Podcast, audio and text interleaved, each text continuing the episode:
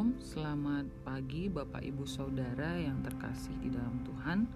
Kembali lagi pada pagi hari ini kita akan mendengarkan renungan berseri dari kitab bilangan.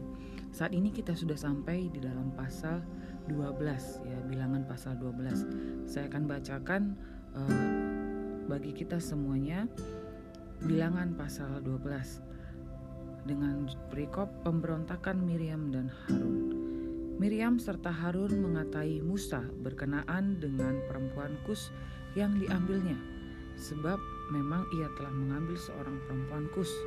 Kata mereka, "Sungguhkah Tuhan berfirman dengan perantaraan Musa saja? Bukankah dengan perantaraan kita juga ia berfirman?" Dan kedengaranlah hal itu kepada Tuhan.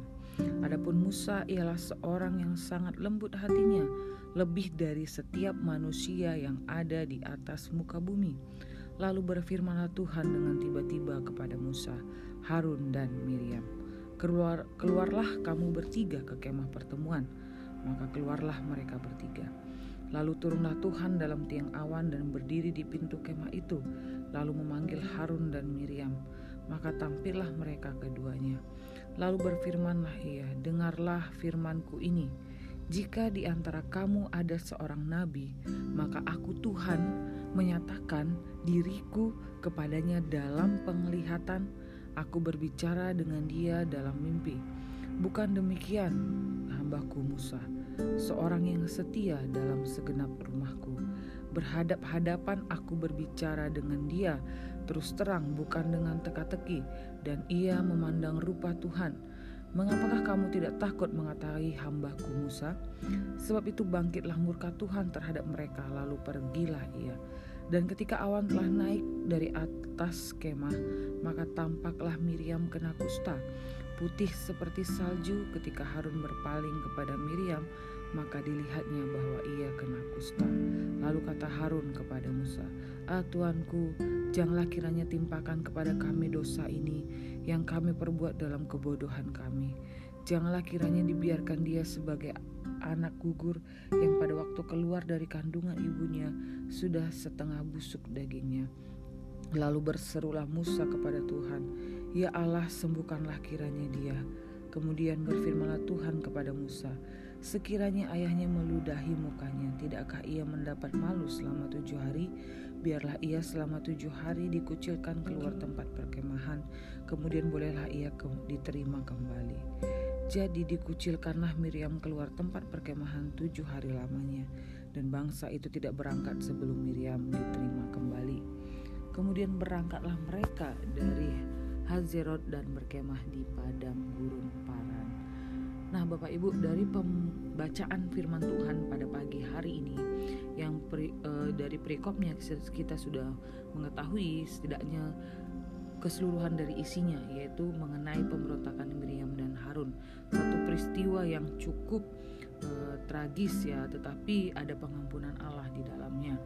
Kita bisa melihat dari sini so Miriam dan Harun Harun adalah seorang imam besar ya imam besar yang melayani di bait Allah di kemah e, di kemah e, kemah suci ya yang melayani. Dan kita bisa melihat bagaimana sikap hati dari Miriam dan Harun ketika mereka melihat ada satu celah ya dari tingkah laku atau perbuatan yang Musa lakukan yang, yang mereka celah ialah ketika Musa mengambil perempuan Kus sebagai istri keduanya kita bisa melihat bagaimana itu menjadi uh, alasan bagi Miriam atau Harun untuk mencela atau mengatai atau meremehkan Musa sebagai abdi Allah atau Musa sebagai nabi Allah pada saat itu. Kita bisa melihat bagaimana mereka menyepelekan, meremehkan Musa atas apa yang satu hal yang dia lakukan ya. Dan mari kita melihat dari hal ini Miriam dan Harun mereka mempertanyakan secara tidak langsung mereka mempertanyakan apakah Tuhan itu tidak salah memilih orang yang kedua mereka mereka me, menyepelekan atau tidak menghargai otoritas yang Tuhan berikan kepada Musa sebagai pemimpin ya dari kedua pertanyaan yang mereka lontarkan. Ya, yang pertama mereka lontarkan, sungguhkah Tuhan berfirman dengan perantaraan Musa saja yang artinya mereka e, meragukan Allah mereka meragukan Allah dengan apakah Allah tidak salah mempercayakan Musa untuk memimpin bangsa ini sedangkan Musa melakukan kesalahan. Yang kedua, mereka mempertanyakan bukankah Tuhan bisa memakai kita juga? Seolah-olah mereka merasa mereka itu lebih pantas, mereka itu lebih layak dipakai, diurapi oleh Tuhan daripada Musa. Di sini timbul kita bisa melihat di sini penyebab Maryam dan Harun memberontak adalah mereka punya sikap iri hati, cemburu kepada Musa. Ya, hati-hati Bapak Ibu. Iri hati, kecemburuan itu bisa menghancurkan kita. Terdapat di dalam ayat Alkitab ya. Bapak Ibu bisa buka di rumah Alkitab Bapak Ibu. Terdapat di dalam Yakobus 3 ayat 16 sudah memperingatkan kita dengan mengatakan karena di mana ada kecemburuan dan ambisi egois, akan ada kekacauan dan setiap praktek keji.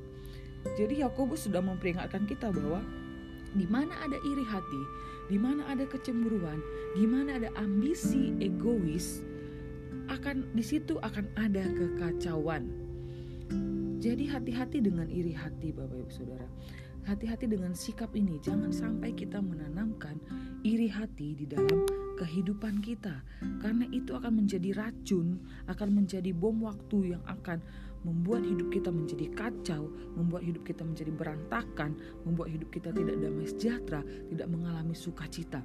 Justru hidup kita akan dikejar oleh segala hal-hal yang negatif, keburukan-keburukan dan hal-hal yang keji yang akan terjadi dalam hidup kita. Itu yang dikatakan oleh Yakobus 3 ayat 16 tadi. Jadi itu yang dilakukan oleh Maryam dan Harun. Bayangkan mereka Harun ini adalah seorang imam besar yang seharusnya dia memahami Allah, harus dia mengerti akan Allah dan mengerti akan hak prerogatif Allah atau hak Allah dalam memilih hambanya siapa pun yang ingin dia pakai itu adalah haknya Allah. Kita tidak patut mempertanyakan apakah Allah benar atau tidak dalam memilih orang karena Allah itu pikirannya kuasanya dia punya hak prerogatif dalam memilih orang jadi di sini terlihat bahwa Maryam dan Harun mempertanyakan tentang pemilihan Allah atas umatnya, pemilihan Allah atas orang nabinya. Ya, secara tidak langsung mereka sebenarnya sedang memper meremehkan pilihan Allah. Jadi di sini kita belajar hati-hati dengan iri hati, karena iri hati itu adalah musuhnya Allah. Kecemburuan itu adalah musuhnya Allah dan menimbulkan kekacauan di dalam hidup kita. Dan kita bisa melihat dampak dari iri hati yang di Allah yang dilakukan, sikap iri hati yang dimiliki oleh Maryam dan Harun.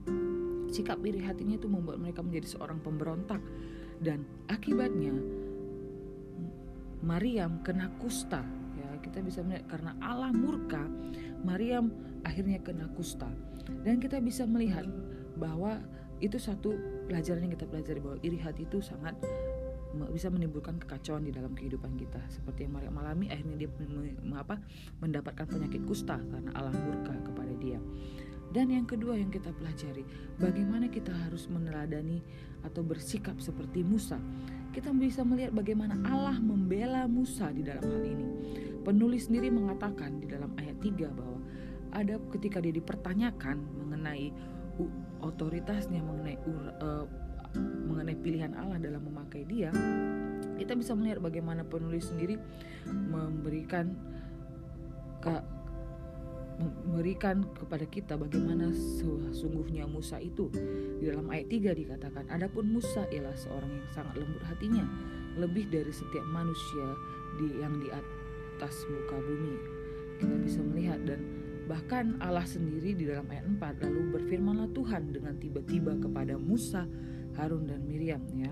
Di situ dikatakan dan di dalam ayat yang keenam Allah menyatakan pembelaannya dengan mengatakan demikian di dalam ayat 6. Lalu berfirmanlah Tuhan, dengarlah firmanku ini. Jika di antara kamu, antara kamu itu adalah Musa, Harun dan Miriam yang karena Allah sudah mengumpulkan mereka, Allah mengatakan, jika ada di antara kamu ada seorang nabi, maka aku Tuhan menyatakan diriku kepadanya dalam penglihatan, aku berbicara di, dengan dia di dalam mimpi Bukan demikian hambaku Musa. Artinya Musa tidak demikian. Kalau Nabi pada umumnya ketika Allah ingin menyampaikan pesannya kepada Nabi lewat Allah ingin menyampaikan pesan kepada umat lewat Nabi itu biasanya melalui penglihatan. Allah memberikan penglihatan Allah memberikan lewat mimpi. Ketika mereka sedang tidur lewat mimpi Allah memberikan pesannya kepada bangsa itu. Tetapi khusus terlebih karena Musa adalah orang yang spesial di hati Allah, Allah tidak mengatakan pesannya dirinya lewat penglihatan atau mimpi. Tetapi dikatakan di dalam ayat 7 uh, di dalam ayat 8 Allah berhadap-hadapan aku berbicara dengan dia artinya Allah dengan Musa ketika berbicara mereka berhadap-hadapan seperti orang sahabat berhadap-hadapan terus terang, bukan dengan teka-teki. Dan ia memandang rupa Tuhan. Artinya Musa memiliki sikap yang benar di hadapan Allah, memiliki hidup yang benar di hadapan Allah. Sehingga Allah sendiri mengatakan kepada Maryam dan Harun, "Mengapakah kamu tidak takut mengatai hambaku Musa?" Artinya Allah memberikan urapannya, otoritasnya kepada Musa. Seharusnya Maryam dan Harun menghargai itu, menghormati hak prerogatif Allah dalam memilih Musa. Bukan akhirnya mengatai Musa, menggosipi Musa yang yang itu sebagai bukti sikap mereka meremehkan pilihan Allah. Yang kedua mereka meremehkan uh, orang yang diurapi oleh Tuhan. Dan mari kita belajar seperti Musa memiliki hati yang lemah lembut. Ya, di dalam ayat 3 dikatakan bahwa dia Musa adalah seorang yang sangat lembut hatinya. Mari kita belajar seperti Musa memiliki hati yang lemah lembut, memiliki sikap yang benar di hadapan Allah. Dan kita bisa melihat ya, eh, ketika Maryam sudah kena kusta karena dampak dari pemberontakannya dia, Harun memohon kepada Musa untuk sekiranya jangan kami mendapatkan konsekuensi atau mendapatkan malapetaka ini atas perbuatan kebodohan kami. Tetapi apa yang Musa lakukan? Musa tidak mengatakan tuh rasain loh. Dia tidak mengatakan demikian atau membalas dendam atau membalas mengatai mereka. Tetapi apa yang Musa lakukan? Dia berdoa berseru kepada Tuhan. Artinya dia memohon di dalam berseru kepada Tuhan untuk menyembuhkan Maryam dari sakit kustanya. Di sini kita bisa melihat bahwa Musa tidak membalas kejahatan dengan kejahatan, tetapi Musa membalas kejahatan dengan dengan pengampunan, dengan ketulusan. Bahkan dia mendoakan Maryam supaya Tuhan menyembuhkan Maryam. Itu adalah sikap yang benar dan tepat ketika kita menghadapi goncangan masalah apa pun dari mungkin dari orang, dari eh, keluarga, dari apa pun ketika kita menghadapi masalah. Mari ambil sikap seperti Musa mengambil sikap. Dia me, dengan sikap mengampuni, memaafkan, dan dia bahkan mendoakan musuhnya, mendoakan orang yang mencela dia, mendoakan orang yang meremehkan dia. Jadi mari Bapak Ibu kita belajar dua hal ini. Pertama, bahaya dari iri hati itu akan menimbulkan kekacauan di dalam kehidupan kita. Yang kedua, mari kejar. Mari miliki sikap lemah lembut. Artinya kita mau dibentuk oleh keadaan apa pun. Kita mau belajar untuk melakukan kebenaran Tuhan seperti yang Musa lakukan. Ketika diperhadapkan dalam hal seperti seperti peristiwa ini dia bukannya marah dia bukannya marah kepada Maryam dan Harun tetapi justru dia berdoa kepada Tuhan mengampuni kesalahan mereka dan berseru kepada Tuhan untuk juga Tuhan mengampuni mereka. Jadi mari kita belajar firman Tuhan pagi eh, hari ini ya Terima kasih, demikianlah firman Tuhan kiranya memberkati kita semuanya. Tuhan Yesus memberkati.